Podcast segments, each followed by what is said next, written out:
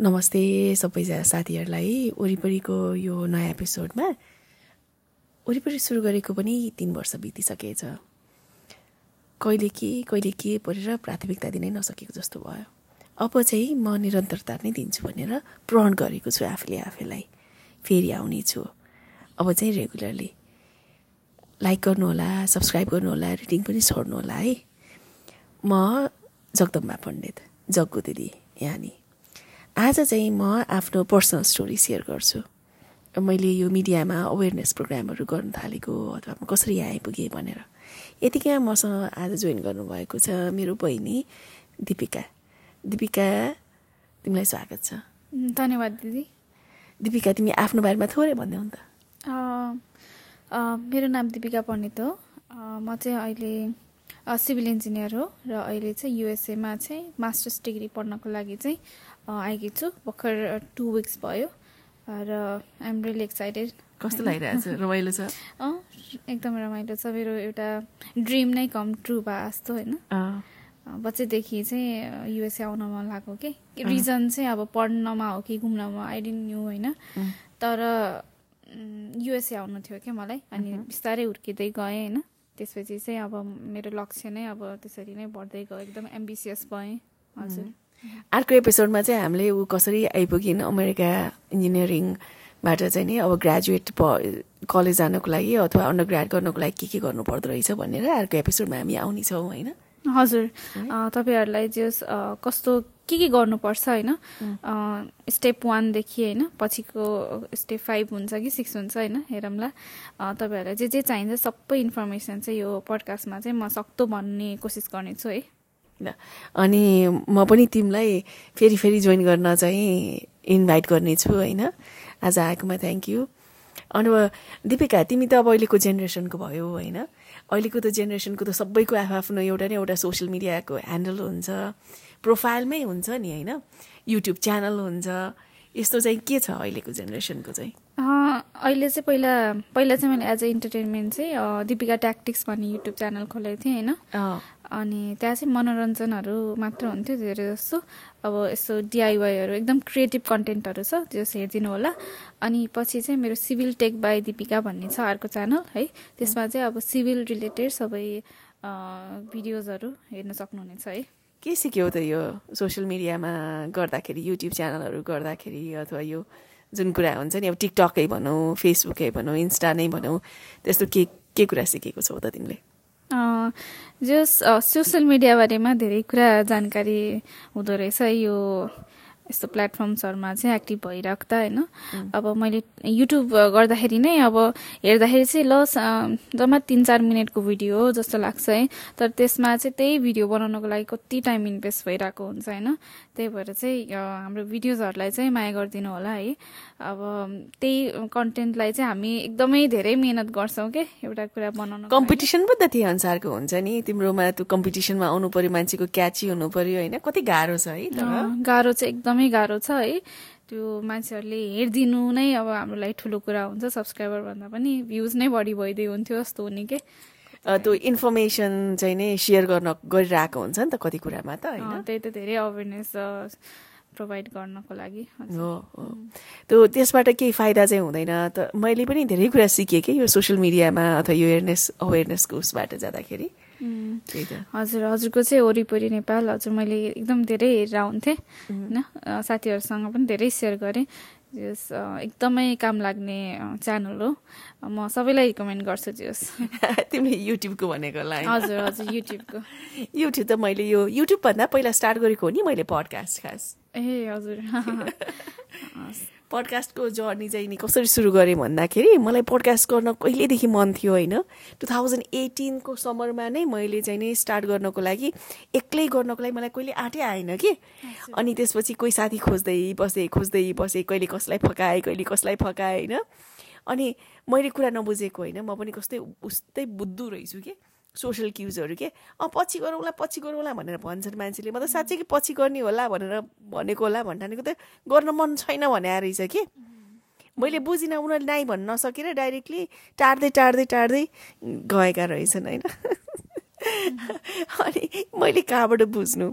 अनि कसैले चाहिँ अँ योभन्दा म अर्को टाइममा भ्याउँदिनँ भनेर मैले कतिचोटि ट्रायल एपिसोडहरू जस्तो पनि बनाएँ कि कति दुई चारजनासँग होइन।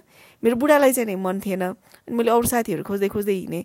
अनि फाइनली एक्लै बनाउने आँट हुँदो रहेनछ कि। कति डर लाग्दो रहेछ त्यतिखेर। अनि मेरो एकजना साथीलाई चाहिँ नि मैले कन्भिन्स गराएँ होइन सगुन। अनि सगुन र मैले चाहिँ नि स्टार्ट गरेको डिसेम्बर अफ टु थाउजन्ड नाइन्टिनमा ए आज नयाँ कुरा थाहा पाएँ। त्यही भएर पहिलो पहिलाको एपिसोडहरू चाहिँ सगुनसँग छ। अनि धेरैवटा नै छ। अनि त्यसपछि यताउता भयो। कोभिड आयो नि त। ए हजुर। कोभिड आएपछि त सबै कुरा डामाडोल भयो त्यसपछि चाहिँ। डामाडोल भए पनि धेरै कुरा लर्न गरियो है। अब कतिपय कुरा थाहा हुँदैन थियो होइन। अनि त्यही बेला चाहिँ युट्युबलाई चाहिँ यत्तिकै इन्टरटेनमेन्टको लागि मात्र भएन। लर्निङ पनि भयो क्या धेरै कुरा अब वर्ल्ड हिस्ट्रीदेखि लिएर होइन अब कुनै अब कुकिङकै लिएर होइन अब केही बनाउनु छ अथवा मलाई पेपर कसरी बन्छ जस्तो लाग्थ्यो कि? अब पेपरको पनि पेपर बनाउने भिडियोजहरू हेरेँ होइन अब कुनै पर्फ्युम बनाउनु छ कसरी पर्फ्युम बनाउँछन् अनि त्यो बनेर थाहा पाएर के भयो? अब थाहा पाएर त के हो? अब हामी बच्चा बेलामा हुँदाखेरि त्यस्तो केही पनि थिएन नि अब लिमिटेड नलेज थियो किताबको मात्रै। पढ्न गयो आयो अनि जाँच पास गर्ने घोक्ने वाक्ने अनि पास गर्यो अनि सकियो भनेको जस्तो। अनि पत्रिका आउँथ्यो एउटा कान्तिपुरको गोर्खापत्रको शनिवेश्वरी भन्ने हुन्थ्यो कि? शनिबारको एडिसनमा चाहिँ नि एक्स्ट्रा पेपरहरू हुन्थ्यो अनि कथा कार्टुन अनि त्यस्तो त्यस्तो कुरा हेरेर पढेर बस्थ्यौँ कि हामी चाहिँ। हजुर। हामीले पनि त्यस्तै हुन्थ्यो पहिला चुट्किलाहरू होइन? चुट्किला चुट्किला। तिमीलाई कुनै चुट्किला याद छ भने भन्दै त. न। अनि यो पडकास्टको क्रममा के त्यसपछि अनि युट्युब च्यानल बनाउने आइडिया आयो होइन? अनि युट्युबको पुरा तयारी गरेर पुरा कति लामो लामो एपिसोड तिमीले त्यही युट्युबको भनेकोलाई वरिपरि भनेर वरिपरि मात्रै छ त्यसको नाउँ चाहिँ। अनि खास त यो पडकास्टको नाम मैले थानकोट राखेको थिएँ कि पहिला। थानकोट भनेको चाहिँ कस्तो थियो भने त्यो तिम्रो थानकोट भन्ने बित्तिकै तिमीलाई के याद आउँछ भन त। ए माई गुडनेस थानकोट भनेको काठमाडौँबाट पोखराबाट अथवा काठमाडौँ बाहिरबाट जहाँबाट नि आउँदाखेरि बोटल नेक जस्तो छ नि। त्यो जाम अनि। एउटा रिलिफ जस्तो पनि भयो। आउटर वर्ल्डसँग कनेक्सन काठमाडौँमा मात्र थियो नि त इन्टरनेसनल एयरपोर्ट। अनि त्यो बाहिरी संसारै अर्को छ काठमाडौँ बाहिरको मान्छेलाई त काठमाडौँ के किन जस्तो हुन्थ्यो नि त। अनि काठमाडौँ बाहिर जाँदाखेरि त्यो त्यहाँ थानकोट गर्दाखेरि कस्तो डर त्रास जस्तो हुन्थ्यो नि होइन। त्यो बाटो हो कस्तो डर लाग्दो त्यही भएर मैले थानकोट। थिएँ अँ।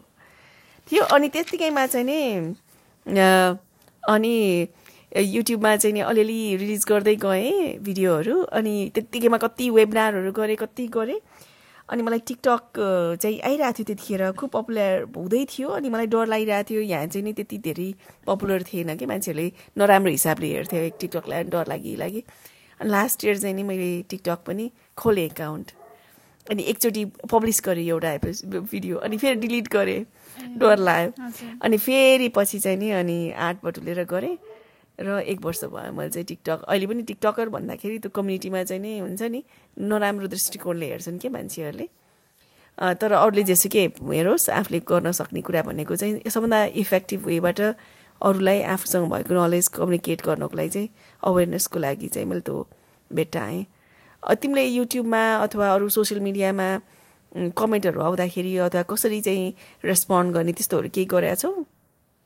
हजुर म त सिम्पली इग्नोर हो है।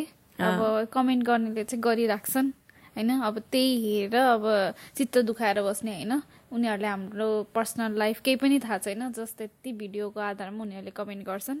पुरै क्यारेक्टरमै कमेन्ट गरिदिन्छन् सो डिलिट गरिदिने इग्नोर गरिदिने। द्याट्स इट द्याट्स त्यसरी डिल गरिरहेको छौ तिमीले चाहिँ। मैले चाहिँ के गरेँ भने मेरो एक्सपिरियन्समा कसैले नेगेटिभ कमेन्ट भयो भने त्यसलाई किन यस्तो भइरहेको छ भने डाइरेक्टली मान्छेको नाउँ चाहिँ लिएर त्यसलाई स्मेयर गर्नु हुन भएन होइन? त्यसपछि मान्छे ओहिरो खन्छन्। एउटा भिडियो के गरे त्यही मान्छेहरूले कस्तो त्यो छुट्टै खालको माया आउँदो रहेछ क्या सबैजनाले। किन गरेकोलाई यस्तो भन्ने खालको। त्यही भएर मैले त्यसलाई चाहिँ कसरी ट्विस्ट गर्ने कसरी रिफ्रेमिङ गर्ने भन्ने कुराहरू चाहिँ गरेँ। धेरै कुरा सिकेँ। केही कुरा छ? मसँग सोध्नु पनि लागेको तिमीलाई अथवा त्यस्तो केही?